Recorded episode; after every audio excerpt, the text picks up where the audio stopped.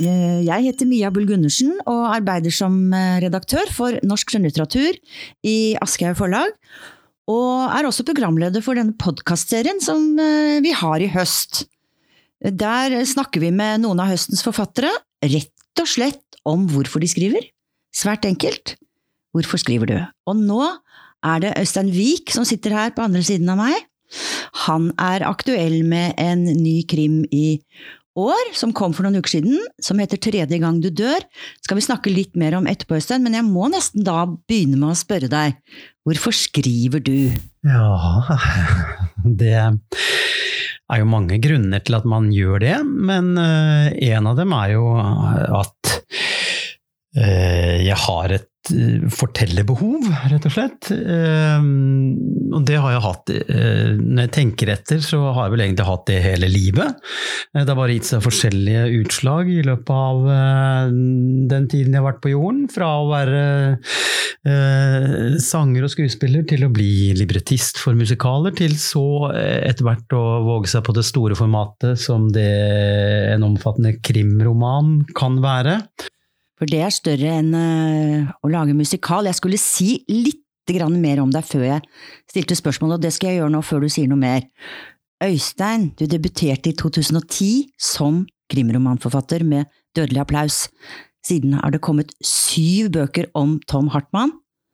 Denne siste har ikke Tom Hartmann, og det skal vi snakke om etterpå, men du er, som du sier, også musikal. Du lager libretter til musikaler. Ja, altså det er jo bare to sider av samme sak, men du kan si at det er litt mer kostbart å, å skrive en musikal enn å skrive en roman, da.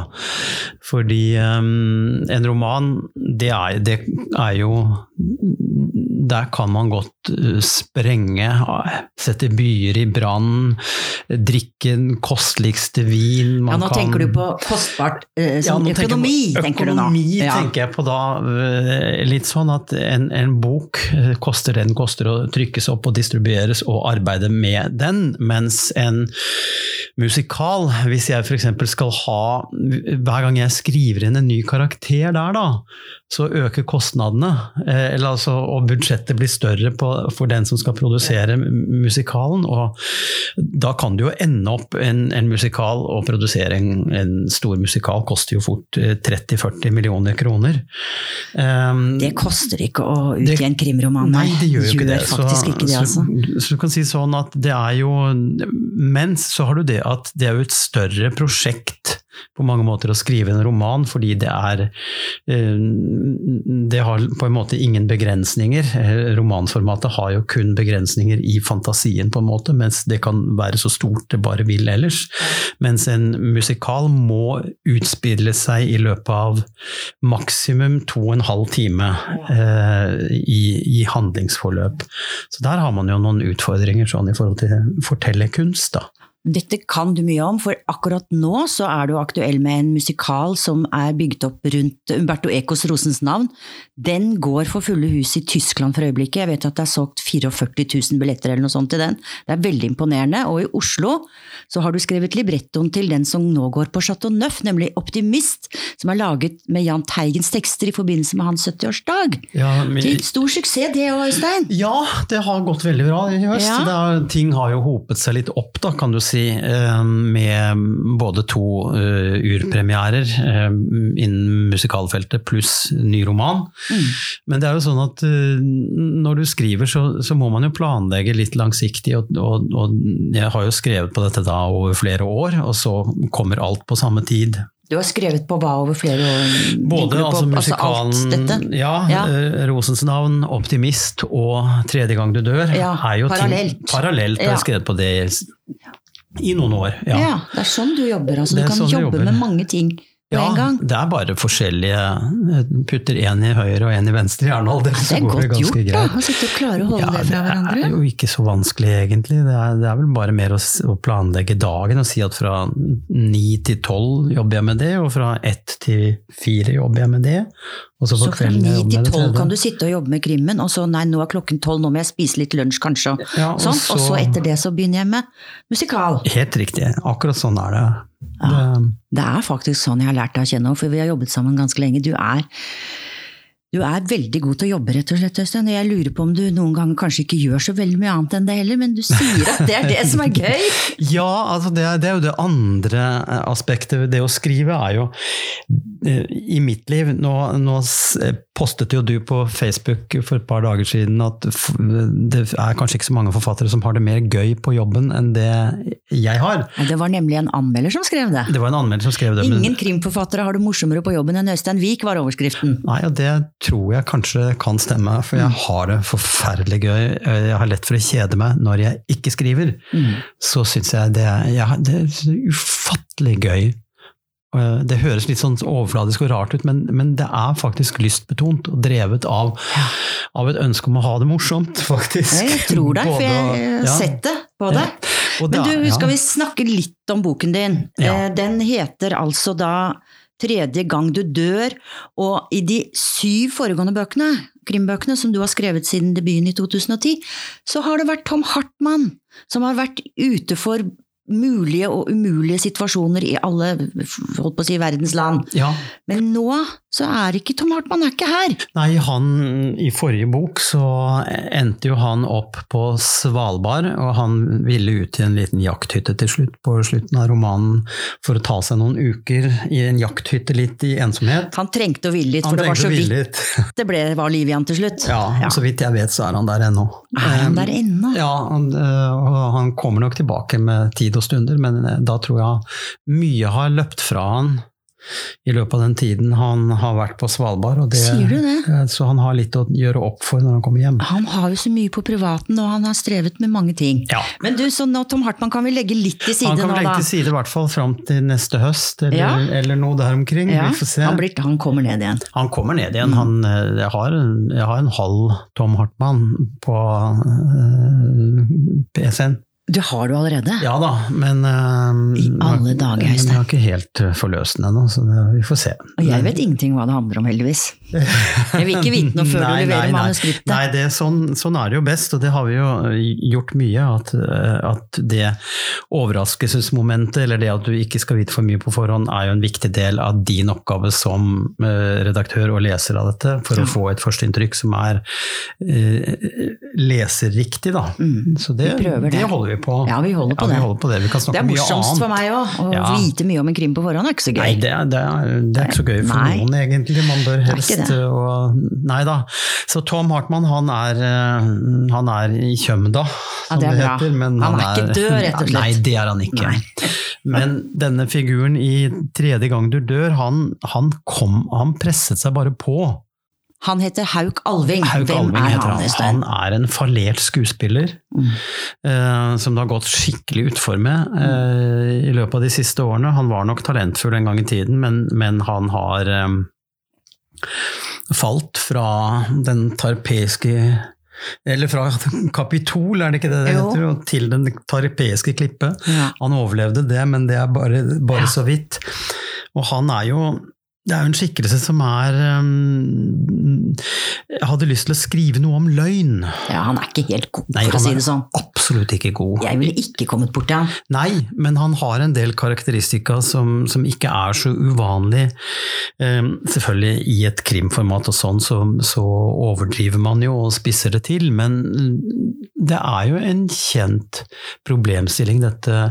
Hvis du jobber et helt liv, han er jo skuespiller som sagt, hvis du jobber et helt liv med å identifisere deg deg med alle mulige karakterer, så blir du faktisk en ganske god og effektiv løgner. Ja. Og det er noe man bør holde i sjakk, og det er jo en av faremomentene ved å være skuespiller, er jo akkurat det aspektet der. Er det sant? Um, ja, det er fort gjort at man flykter inn i en fantasiverden og flykter inn i løgnen. Det har vi kjent på selv òg, egentlig, ja. i forhold til det at du identifiserer deg så mye med en karakter at du, du, begynner å tro at du er den karakteren. Går nærmest ut på gaten som den karakteren du spiller på scenen. Ja, og du kan jo bli tiltalt eller snakket til Da jeg spilte van Gogh, så var det jo også sånn da, da gikk jeg så inn i det at jeg Det var jo nesten like før jeg skar av meg øret til slutt. Men det gjorde du ikke. Nei, jeg gjorde ikke det, men folk også uh, i byen der jeg spilte, de kalte meg bare Vincent. De kalte meg ikke ved mitt navn lenger. Er det sant? Ja, de, kom, de, de, kom, bort og sa 'Vincent, hvordan er det med deg i dag?' Eller, så, så den, det der med å leve ut en karakter eller en løgn i hermetegn, det, det gjør man jo ofte som skuespiller. Men Men han her er her, Mm. Hauk Alving, det åpner jo med at han har lurt, han har en elskerinne, Ja, og han presser henne for penger. ja. Og han presser henne for penger fordi han selvfølgelig er pengelens, men det har også for så vidt en litt gyllen grunn, fordi at han har en liten datter som er både døv og blind, ja. og som han har lyst til å hjelpe, og Ja. kanskje kan få noe behandling i utlandet som koster masse penger, og de pengene har han ikke, og derfor så han, begår han denne utpressingen. Ja, det er jo, som du skriver innledningsvis, også et lite sitat. Det er, det er- jo de små skritt som på en måte leder til de store forbrytelsene. Han har jo pushet grensen hele veien her, og han, han lyver jo for seg selv og i den, i den, i den forstand at han rettferdiggjør eh, denne utpressingen eh, med eh, dette at han vil hjelpe datteren. Og, og det, er, det er jo til dels berettiget, det er jo en halvsannhet i hvert fall. Ja. Eh, altså Hans motivasjon å hjelpe datteren er, er virkelig nok, men det er klart, metoden han bruker for det, å forsvare den, det, da trenger du en del løgn for å kunne Ja. rettferdiggjøre det. Men det interessante er, studier viser jo at selv de, de største kriminelle ser på seg selv som gode mennesker, og det er ganske interessant. og Det er det jeg har prøvd å legge til grunn for Hauk Alving, og det at han på en måte Han ser ikke sine dårlige sider før livet og handlingen her i denne romanen tvinger han Mm. eh, til, eh, til å se seg selv i Vi du skal ikke avsløre for mye, men på Nei. et eller annet tidspunkt så vender han om på et vis. Han gjør det, og Han tar noen bestemmelser i alle fall. Han tar noen grep hvor, hvor det er så mørkt at det ikke er noen vei ut av noe som helst, hvor han har valget mellom å ja, mm, dø og det å overleve, og skal han overleve så er han nødt til å velge det gode på et eller annet vis, og slåss for det gode. Ja. Og det er vel noe av, kanskje som jeg tenker, i den grad at krim skal ha en funksjon utover det å være eh, barnebøker for voksne, holdt jeg Ja, på å si, ja. eller, eller å være ren Eventyr for voksne, som Eventyr- Unni Lindell kaller det. ja, det Ja. er jo det på en Mhm. måte. Og det er, det, det er en ventil, og det er eh, en, under, en type underholdningsaspekt um, ved krimromaner, selvfølgelig. Men man kan også utforske kampen mellom det gode og det onde. Mm. Og gå inn i det og se hva er ondskap, hva er godhet. Eh, hvordan er menneskene skrudd sammen i forhold til eh, hvor stor del av oss er gode, hvor stor del av oss er onde, og hva skal til for å pushe et menneske fra den ene Mm. siden til den andre. Og denne kampen her er jo en, en evig ting som man mm, kan beskjeftige seg med innen krim, da. Ja. Og så syns jeg det er fint også at det gode vinner, faktisk, som regel Det krim. gjør som regel det. Ja, det er jo oppbyggelig, Ja, tenker jeg. midt i Men det all er ganske mye som skjer med Hauk Alving før, han, før vi, siste side kommer. Altså han, han presser da denne damen for penger, Ja. hun er rik. Når, når han da skal avlevere de pengene, så kommer det da en eh, Ja, eller, altså, En fyr. eller ikke avlevere pengene, men få pengene. Få pengene. Sånn er det. Når han skal få pengene. Ja, så får han pengene i form av juling. Ja, det får han. Skikkelig. Én million for hvert, hvert slag Ja, ja. er én million i hard valuta, Ja, for å si det sånn. Kalle Helgesen holder faktisk på å slå han i hjel. Ja. Ja. Og det er jo her på en måte, dette er jo det man kaller the inciting incident, altså det som setter hele, eh, hele hans liv ut av balanse, på en måte, eller kaster ham ut i kaos. Og derfra så må han altså begynne å nøste, men det går riktig galt veldig lenge før han klarer å gå Ja, den altså, Ja, for det han gjør, den torpedoen kommer og holder på å slå han i hjel, men Ja. det ender jo faktisk med at Hauk Alving tar livet av den torpedoen. Ja. Og det er da er det liksom startskuddet for Det startskuddet, Alt det som skjer. og uten å røpe eh, altfor mye mer, men, men, men han er jo skuespiller, Mm. og istedenfor å, gå til, eh, i for å gå til politiet, så bestemmer han seg for å skjule drapet, og han skjuler det ved å gi seg ut for å være Torpedo Kalle Torpedo Helgesen. Kalle Helgesen. Fordi det er den hensiktsmessige måten å holde han i live, skjuler drapet, og derfra så virvles han jo da inn i en mørk verden som han Mørk underverden i Oslo, vil jeg si. ja, som han neppe ville Som neppe noe menneske øh, aner eksisterer. Øystein, jeg må jo si det at du er en veldig vennlig mann, og vi har hatt mange hyggelige samtaler opp gjennom årene, men jeg vet ikke om noen som skriver og finner opp så mange bestialske tortur- og drapsmetoder som du gjør. Nei. Inni det hodet ditt. Hva er det? Og det er jo noen Vi skal ikke si så mye her hva det handler om, men det har noe med kjøttproduksjon å gjøre, og gjenvinningsproduksjon og litt sånn. Pølselaging. Ja, ja. Hvordan er det du kommer på det? Jeg husker det var en fileteringsmaskin i Tom Hartmann havnet i en gang, og, da, og en komodovaran som spiste Altså, det er så voldsomme ting. Ja, altså det er ikke I i mitt hode så er det ikke så veldig vanskelig å, å komme på disse tingene. Det, det er å følge én tanke helt til endes. Eh, på mange måter. Altså, du ser en ting, og så stiller jeg meg spørsmålet hva kan gå galt her, og hvor galt det kan gå. Hvis jeg bare forfølger den tanken, så, så begynner ting å skje. Noen ganger så, når vi jobber med manus, så sier jeg til deg Øystein, ærlig talt, det går ikke an, altså. Ja, da, det er nei. ingen som blir spist av kommunen. Jo, sier du! Ja. Det, er- det skjedde i 1956, i, og du har liksom alltid et berettiget du, du, du, du vet at det har skjedd. Ja, altså jeg, jeg, jeg gjør jo grundig research Ja. På de mest spektakulære drap. Mm. Eller, altså, så det er, det, er, det er på en måte Det er ikke mm, Basiselementene for at det skal kunne skje, må være til stede. Jeg, jeg må kunne følge en slags logikk i at dette er mulig. Husker du det med fluene i Hvit panter? Ja, Det var guffen, altså. ja, men den er jo Bare for å ta det, så er jo det en klassisk Det er faktisk en klassisk henrettelsesmetode som går til mange tusen år tilbake før Kristi fødsel. Den er omtalt i, i eldre skrifter, så, så jeg bare lagde en moderne versjon av den. Ja, den har jeg vært, ikke hørt om verken før eller siden, Nei, altså det var, Det var, uh, kong eh, Mitriades, hvis jeg ikke husker Mm. helt feil, som ble tatt livet av på den måten, og det tok 17 dager, faktisk. vi går ikke noe nærmere inn på det. For dette, nå, må vi, nå, må jeg, nå må jeg hente inn denne samtalen litt. fordi Ja nå, nå Musikal, skriving eh, jeg, jeg har lyst til å spørre deg, for det, det har jeg spurt de andre jeg har snakket med her, om skrev du fra du var helt liten? Du sier at du har alltid hatt behov for å skrive? Ja, altså både ja og nei, men altså mitt uttrykksbehov har jo, har jo gitt seg i, en startfase eh, var jo dette å synge, da. Ja. Det, det begynte jeg med. Altså, jeg husker mine første opptredener var som fire-femåring. Mm, du er jo en, en svært habil tenorsanger. Ja da, så, så det har jo vært det naturlige uttrykket til å begynne med. Men, Mm. men så, eh, så begynte jeg jo med teater veldig veldig tidlig, og drev mitt eget dukketeater, hvor jeg lagde historier selv og sånn. Og jeg har alltid skrevet, eh, mens jeg gikk på Teaterhøgskolen, så, så bidro jeg også veldig mye på tekstsiden. Hvis det var et stykke som manglet et par roller, Ja, så skrev jeg til et par roller jeg, til Ja. det stykket, slik at vi kunne spille det ja. likevel.